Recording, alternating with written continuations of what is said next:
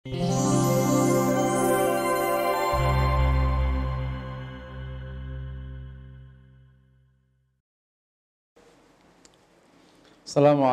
warahmatullahi wabarakatuh. Innal hamdalillah nahmaduhu wa nasta'inuhu wa nastaghfiruhu wa nastahdi wa na'udzu billahi min shururi anfusina wa sayyiati a'malina. Asyhadu an la ilaha illallah wa anna Muhammadan 'abduhu wa rasuluh safiyuhu wa khaliluh. Wassalawatullahi wa salamuhu alaihi wa ala alihi wa ashabihi wa man tabi'ahum bi ihsanin ila yaumiddin amma ba'd. Pemirsa yang dirahmati Allah, tidak tentunya mari selalu kita memberikan syukur kepada Allah atas semua keadaan, baik keadaan yang kita sukai atau keadaan yang tidak sukai. Kita bersyukur kepada Allah pada setiap keadaan. Nashkurullah ala kulli hal walhamdulillahi ala kulli hal. Kita akan memulai serial kajian tazkiyatun nafas. Semoga Allah barokai. Dan pertemuan kali ini saya akan bahas sungguhnya tazkiyatun nafas adalah hal yang paling penting dalam hidup kita. Karena ia terkait dengan hal yang paling pokok di dalam perbuatan. Ibarat kalau kita umpamakan badan, maka ilmu hati atau tazkiyatun nafas adalah roh. Al jasadu bila roh kal. Uh, fisik badan tanpa roh, ia adalah mayat. Sebesar apa pun orang, sehebat apa pun orang tanpa roh, dia tidak berarti karena ia telah berubah menjadi mayat. Demikianlah manusia, demikianlah amal perbuatan. Tanpa tazkiyatun nafas, ia bagai mayat. Salat tanpa khusyuk bagi mayat. Apalagi amal tanpa ikhlas. Hidup tanpa bersyukur bagi mayat. Oleh karena itu, betapa pentingnya hal ini sehingga Al-Quran meletakkan hal ini menjadi hal yang paling penting. Salah satunya di surat Asy-Syams wa nafsi wa ma sawaha fa'alhamaha fujurha wa taqwaha qad aflaha man zakkaha wa qad khaba man dassaha demi jiwa dan kesempurnaan jiwa fa'alhamaha fujurha wa taqwaha maka Allah ilhamkan pada jiwa sifat takwanya dan sifat jahatnya, sifat fujurnya. Qad aflaha man zakkaha. Beruntung bagi yang mensucikan jiwanya. Waqad khaba man dassaha dan rugi bagi yang mengotori jiwanya.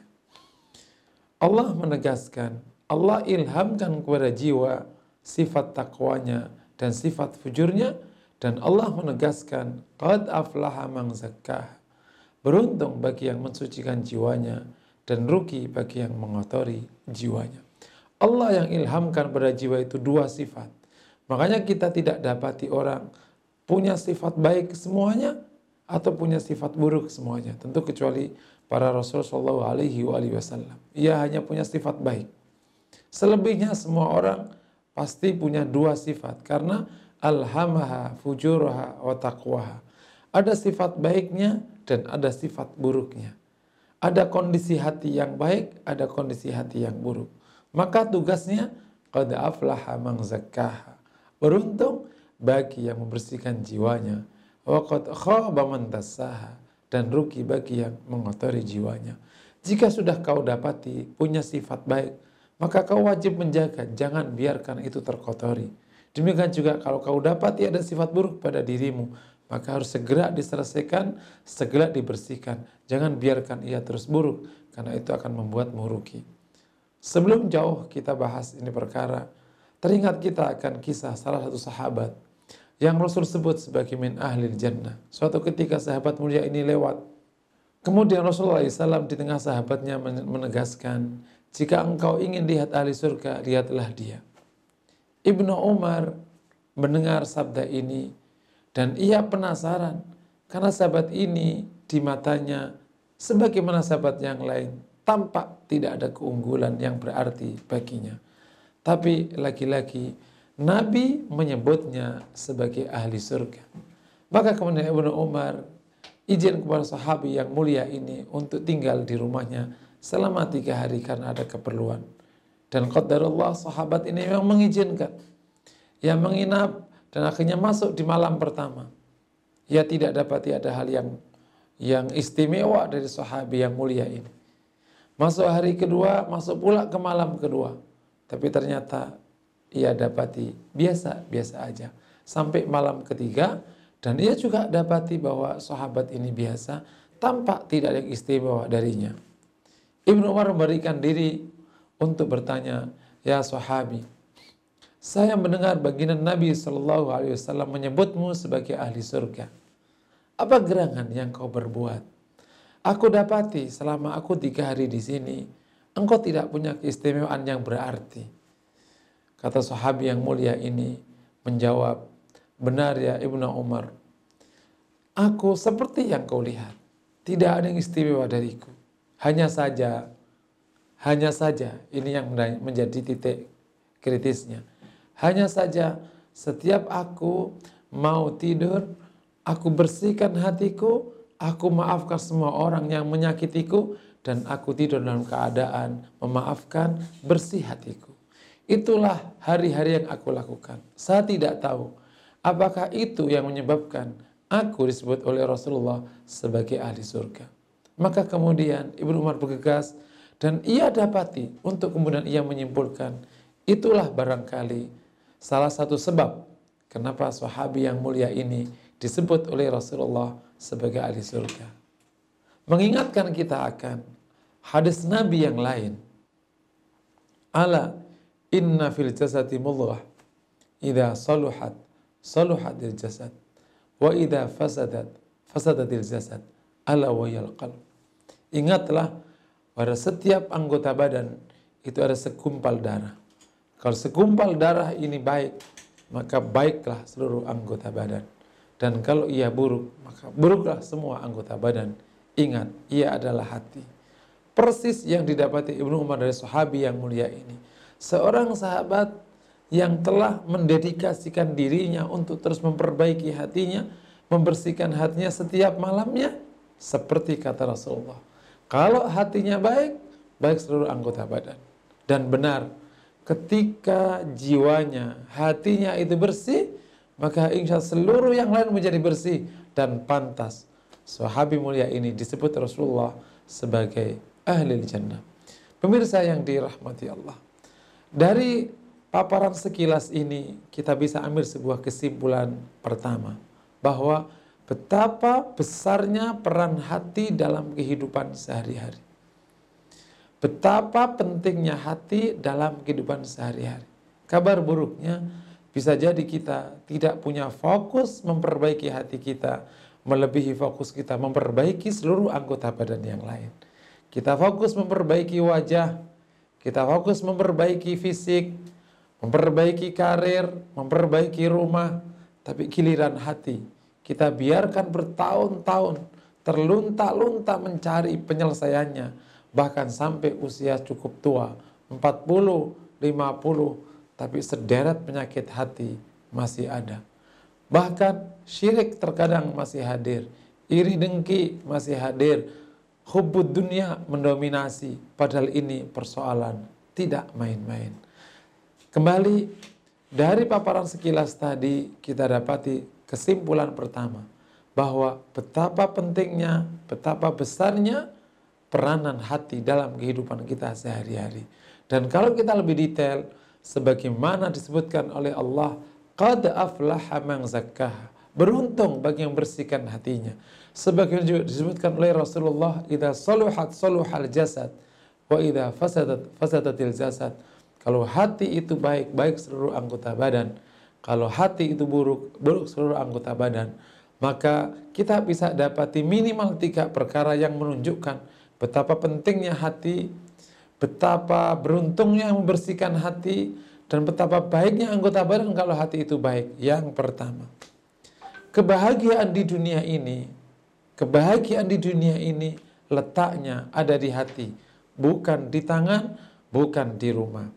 Engkau bahagia tidak terletak pada apa yang kau miliki, tapi bagaimana kau menyikapi yang kau miliki. Kami ulangi lagi.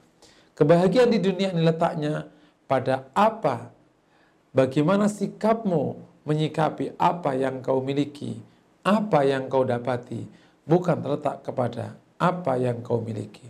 Seseorang yang pagi hari makan sarapan ala kadarnya bisa bahagia, bisa tidak bahagia. Kalau ia bersyukur, dia bahagia. Tapi kalau dia marah-marah dan tidak terima, dia sedih di pagi hari itu. Sama-sama, orang yang mengalami musibah, kalau dia tidak sabar, ia tidak ridha, ia tidak bahagia. Tapi kalau dia sabar, ia ridha, ia bahagia. Letaknya ada di hati, bukan di tangan. Tangan bisa berupa apa saja. Rumah bentuknya apa saja. Kendaraan apa saja. Pasangan seperti apa. Tapi selama hati bisa bersikap tepat, kalau mendapatkan kenikmatan, ia bersyukur. Kalau mendapatkan musibah, ia bersabar. Bahkan ridho kepada Allah, maka orang ini akan bahagia. Dan memang demikian dalam survei kebahagiaan. Survei kebahagiaan itu ditentukan pertama kali oleh sikap menghadapi hidup, bukan fakta hidup. Fakta hidup bisa berbeda-beda, tapi sikapnya kalau benar, maka hasilnya benar. Ini yang pertama. Yang kedua, pencapaian hidup. Ya. Pencapaian. Tadi kalau kita tadi bicara tentang kualifikasi atau kualitas, sekarang kita bicara pencapaian. Pencapaian dalam hidup itu ditentukan oleh kecerdasan emosi. Kecerdasan emosi itu dalam bahasa agama namanya akhlak. Dan akhlak itu ditentukan oleh kondisi hati. Kalau hatinya baik, akhlaknya baik, berarti kecerdasan emosinya baik. Jika kecerdasan emosinya baik, maka pencapaiannya baik. Dalam penelitian, 80% pencapaian seseorang, kita tidak bicara pencapaian apa, pencapaian apa pun ditentukan oleh seberapa baik kecerdasan emosinya. 80% porsinya terhadap kontribusi pencapaian seorang terhadap sesuatu dalam hidup ini. Artinya, kalau hati kita baik, bersyukur, sabar, tawakal, mahabbah pada Allah, berharap kepada Allah, ikhlas pada Allah, maka insya Allah kecerdasan emosi kita baik. Artinya akhlak kita baik. Kalau akhlak kita baik, insya Allah kita bisa mencapai banyak hal, kontribusinya 80% terhadap pencapaian seseorang. Ini yang kedua. Kebahagiaan ditentukan oleh hati, pencapaian ternyata ditentukan oleh hati. Dan yang paling vital adalah keselamatan kita kelak di akhirat. Keselamatan manusia di akhirat benar-benar ditentukan oleh kondisi hatinya. Jika kondisinya baik, bersih, bening insya Allah selamat. Sebagaimana Allah tegaskan menceritakan tentang doa Nabi Ibrahim di ayat Al-Quran. Wala tuhzini yawma yub'athun yawma la malu wala banun illa man atallaha biqalbin salim. Artinya, Ya Allah jangan hinakan aku di hari kebangkitan di mana hari tidak pernah ada tidak ada lagi ada harta dan anak-anak yang berguna illa man atallaha biqalbin salim kecuali yang mendatangi Allah dengan hati yang bersih. Jadi siapa saja yang datang kepada Allah kelak di akhirat dengan hati yang bersih, dia selamat, dia mulia. Tapi yang datang kepada Allah dengan hati yang buruk, dia hina, dia akan teradab. Lah, masa sedemikian ekstrim? Benar. Satu penyakit hati dampaknya tidak main-main. Misalnya takabur, Orang yang ter, teruji dengan sifat takabur, dia tidak bisa menghilangkan sikap sombong dalam hatinya, maka ia bahkan tidak bisa mencium bau surga. La ya la shum la raihatal jannah. Man kana fi qalbihi mithqalu habbatin min kibr. Tidak akan mencium bau surga. Orang yang hatinya ada sifat sombong ada hasad. Artinya satu sifat buruk dalam hati dampaknya serius. Ini yang saya sering sebut bahwa kesalahan dalam hal hati itu vital sekali, fatal sekali. Tidak main-main. Kalau orang kesalahan dalam anggota badan, penyelesaiannya lebih mudah daripada kesalahan dalam urusan hati. Tadi baru bab sombong. Sekarang kita lihat bab hasud. Hasud ini kalau nggak selesai dampaknya luar biasa kelak di akhirat. Al hasad yakulul hasanat kama ta'kulun narul hatab. Demikian kata Nabi. Yang artinya hasud itu memakan kebaikan sebagaimana kayu bakar memakan kebaikan. Kalau orang punya hasad, maka artinya kebaikannya akan dimakan habis oleh hasutnya. Na'udzubillah min. Satu sifat buruk yang tidak terselesaikan menghabisi seluruh kebaikan. Kalau dia sudah tidak punya kebaikan, lantas dengan apa dia diberikan balasan oleh Allah sehingga menyebabkan ia masuk surga? Tidak ada. Maka masuk neraka. Apalagi jika penyakitnya lebih besar lagi, syirik. Naudzubillah min dalik. Para ulama mengatakan penyakit hati tertinggi adalah syirik, kufur, nifak. Kalau sampai punya penyakit syirik, seluruh amal perbuatannya ditolak. Kalau sampai punya penyakit kufur, seluruh amal perbuatannya ditolak. Kalau sampai punya penyakit nifak, seluruh amal perbuatannya ditolak karena innal munafiqina darkil asfali minan nar. Sebenarnya orang-orang munafik itu di Eh, tingkat di peringkat neraka yang paling bawah. Pemirsa yang dirahmati Allah. Melihat tiga hal tadi, kita bisa juga membuat kesimpulan yang kedua. Bahwa pentingnya, besarnya peran e, hati dalam kehidupan sehari-hari tampak dalam tiga hal. Yang pertama, kebahagiaan dalam hidup ditentukan oleh hati. Pencapaian dalam hidup ditentukan oleh hati. Keselamatan di akhirat ditentukan oleh hati. Oleh karena itu, jangan pernah menganggap ringan urusan hati. Ayo kita segera memulai mengkaji tazkiyatun nafas bukan sekedar untuk didengarkan, tapi ayo kita laksanakan untuk pula kita sampaikan kepada orang sekitar kita. Pemirsa yang dirahmati Allah. Dari paparan tadi, kita lantas bertanya, bukankah terkadang urusan hati ini tampak begitu berat sehingga banyak di antara kita yang justru mengakhirkan masalah hati ini ketika sudah umur tua 40 ke atas, 50 ke atas dan lain sebagainya. Jawabannya masalah hati ini justru mendapatkan prioritas justru di awal kehidupan. Karena sebagaimana dalam pendidikan karakter, pendidikan karakter akan lebih baik, lebih tepat kalau dimulai di usia dini. Mengajarkan ikhlas itu lebih mudah kalau dari kecil. Mengajarkan syukur itu lebih mudah kalau dari kecil. Mengajarkan sabar juga demikian. Tibalah hal ini diabaikan, kemudian akhirnya lahir generasi yang ria, yang pampreh, yang apa pun namanya hari ini disebut, yang kemudian terlalu terbayang-bayangi oleh pandangan orang, sampailah ketika usia 40-50 baru mau belajar ikhlas hati sudah terlanjur menjadi hati yang ria. Apa saja ingin dipuji orang, apa saja takut celaan orang. Hidup di bawah naungan pandangan orang. Oleh karena itu, pemirsa yang dirahmati Allah, karena besarnya tadi, besarnya peran ilmu hati ini, maka kita mengkaji harus lebih awal. Jadi pemirsa yang hari ini Allah sudah cukup berumur, maka ayo segera kita mengkaji ini dan kalau kemudian kita bisa uh, jalankan, ayo kita turunkan ke anak-anak kita agar dari awal ilmu ini bisa kita pahami untuk kemudian kita laksanakan. Pertanyaan berikutnya, metodenya apa? Nah, ada tiga metode. Ini yang diajarkan oleh para ulama secara singkat.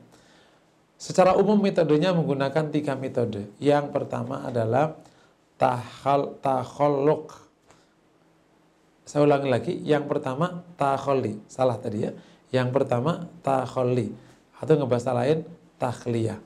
Yakni membersihkan penyakit hati dari hati dengan cara taubat dan riyadhah atau latihan.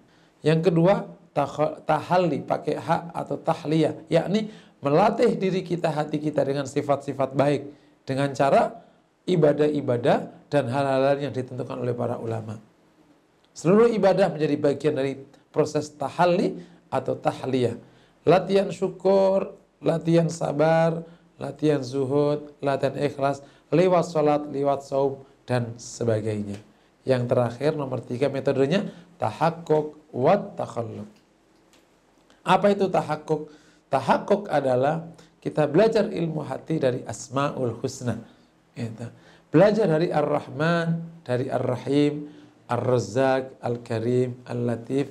Takhaluk adalah belajar ilmu hati dari akhlak Rasulullah SAW yang banyak ditulis oleh para ulama dan disatukan dalam satu kajian hadis yang terkenal namanya Kitab Syama'il. Kitab tentang akhlak Rasulullah Wasallam. Kita kupas satu persatu. Metode takhalli. Setiap orang sebagaimana disebutkan oleh Allah di surat Asy-Syams tadi, falhamaha fujuraha wa taqwaha Allah ilhamkan pada jiwa sifat takwanya, sifat fujurnya. Nah, berarti di setiap manusia, pada setiap jiwa manusia, ada sifat takwanya, ada sifat fujurnya. Maka metode pertama adalah kita harus teliti, sisir, tentu dengan panduan ilmu.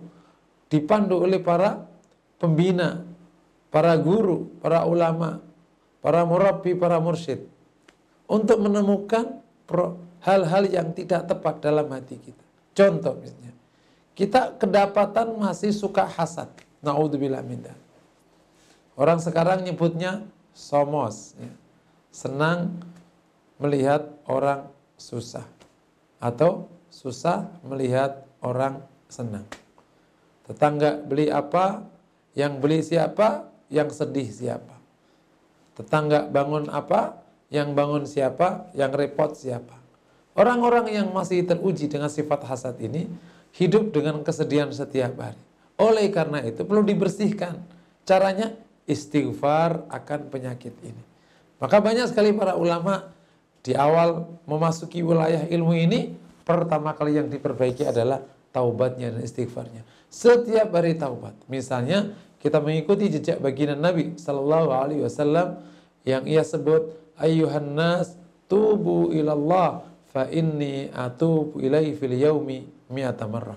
Hai manusia, taubatlah kepada Allah karena saya bertobat kepada Allah setiap hari seratus kali. Jadi akhirnya kita istighfar kepada Allah, istighfar, tapi istighfarnya ini khusus. Kan istighfar atau ada dua. Istighfar am, istighfar umum dari semua dosa. Makanya ada Allah maghfirli ma qaddamtu wa ma akhartu wa ma asrartu wa ma alantu wa ma anta alamu bihi minni. Ya Allah ampunilah aku yang lalu yang akan datang yang tampak yang tidak tampak yang aku tahu yang tidak aku tahu. Itu namanya istighfar atau taubat am. Tapi ada istighfar taubat khas dari penyakit X dari dosa Y. Ya Allah ampunilah aku atas hasutku. Bersihkanlah hasutku dari diriku bersihkanlah hasutku sebagian kau bersihkan hati para aulia para ambia, para solehin. Nah, itu namanya dimulai dari taubat. Taubat khusus dari penyakit X. Taubat khusus dari penyakit Y. Sekira misalnya ada orang terkena penyakit sombong, naudzubillah. Maka taubat dari kesombongan. Itu pertama. Nah, takholi terus dilanjutkan oleh latihan-latihan. Gitu. Kalau misalnya tadi ada penyakit apa tadi? Ada penyakit hasad. Maka latihannya akhirnya justru Latihannya misalnya tidak lagi memperhatikan karunia orang lagi. Tidak lagi memperhatikan dinamika orang sekitarnya yang mendapatkan karunia supaya hati tidak berkecamuk untuk iri atau iri dengki. Demikian nanti latihan-latihan bisa ditentukan oleh oleh para gurunya dan lain sebagainya. Tentu lagi-lagi yang paling baik latihan adalah menggunakan hal-hal yang disunahkan Nabi Shallallahu Alaihi Wasallam. Ini masih secara umum ya, namanya tahal, taholli. Yang kedua, tahalli.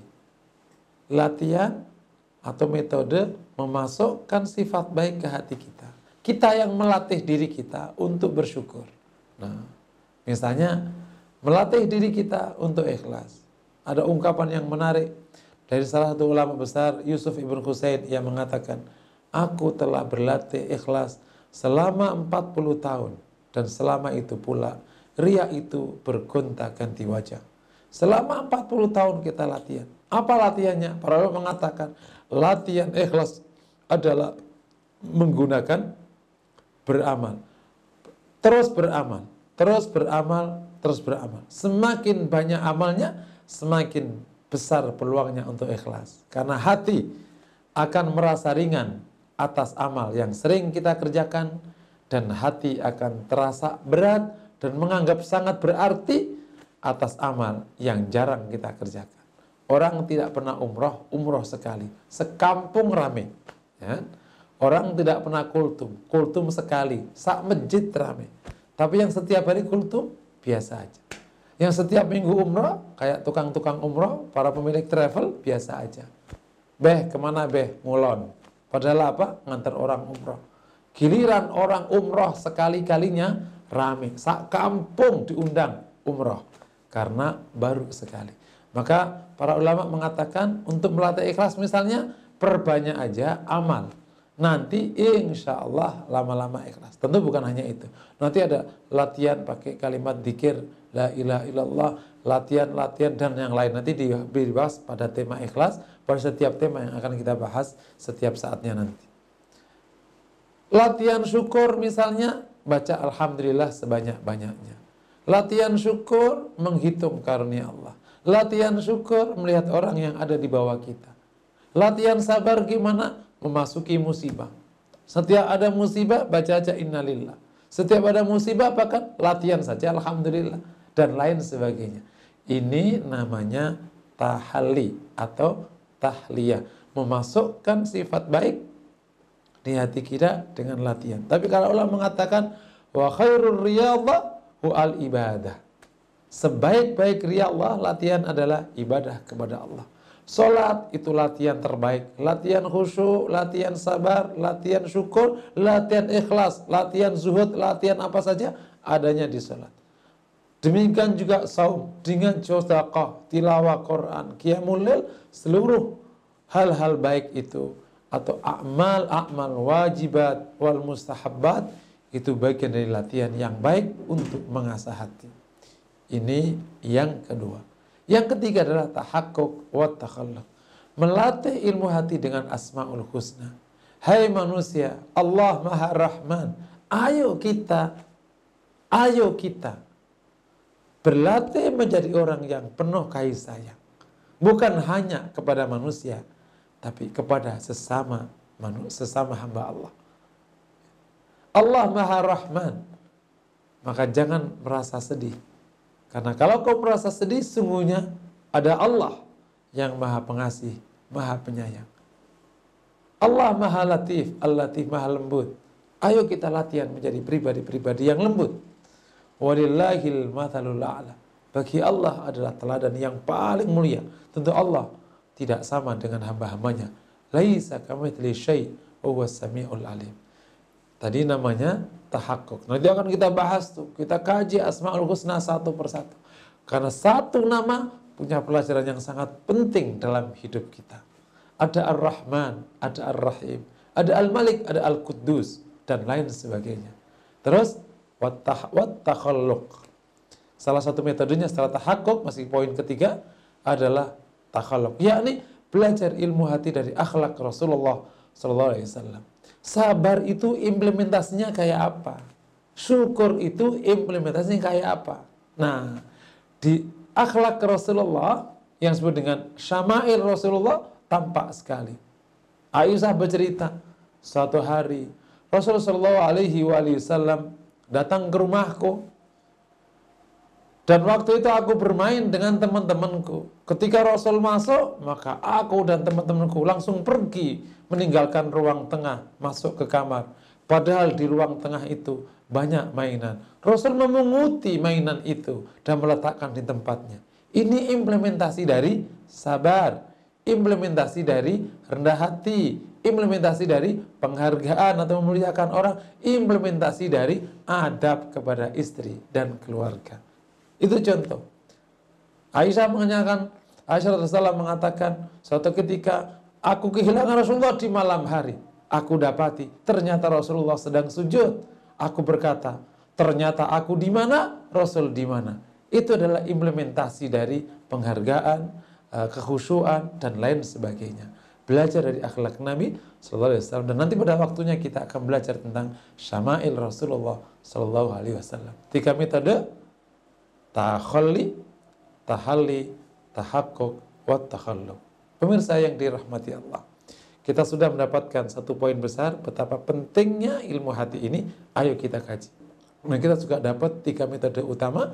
Ayo nanti kita tekuni dan semoga tayangan ini uh, terus bisa hadir dengan rutin dan insya Allah hadir pada setiap uh, Rabu malam atau nanti yang paling baik untuk kita semua. Semoga memberikan manfaat untuk kita semua, menginspirasi kita semua. Aku qouli hadza wa sallallahu wasallam ala Muhammad. Assalamualaikum warahmatullahi wabarakatuh.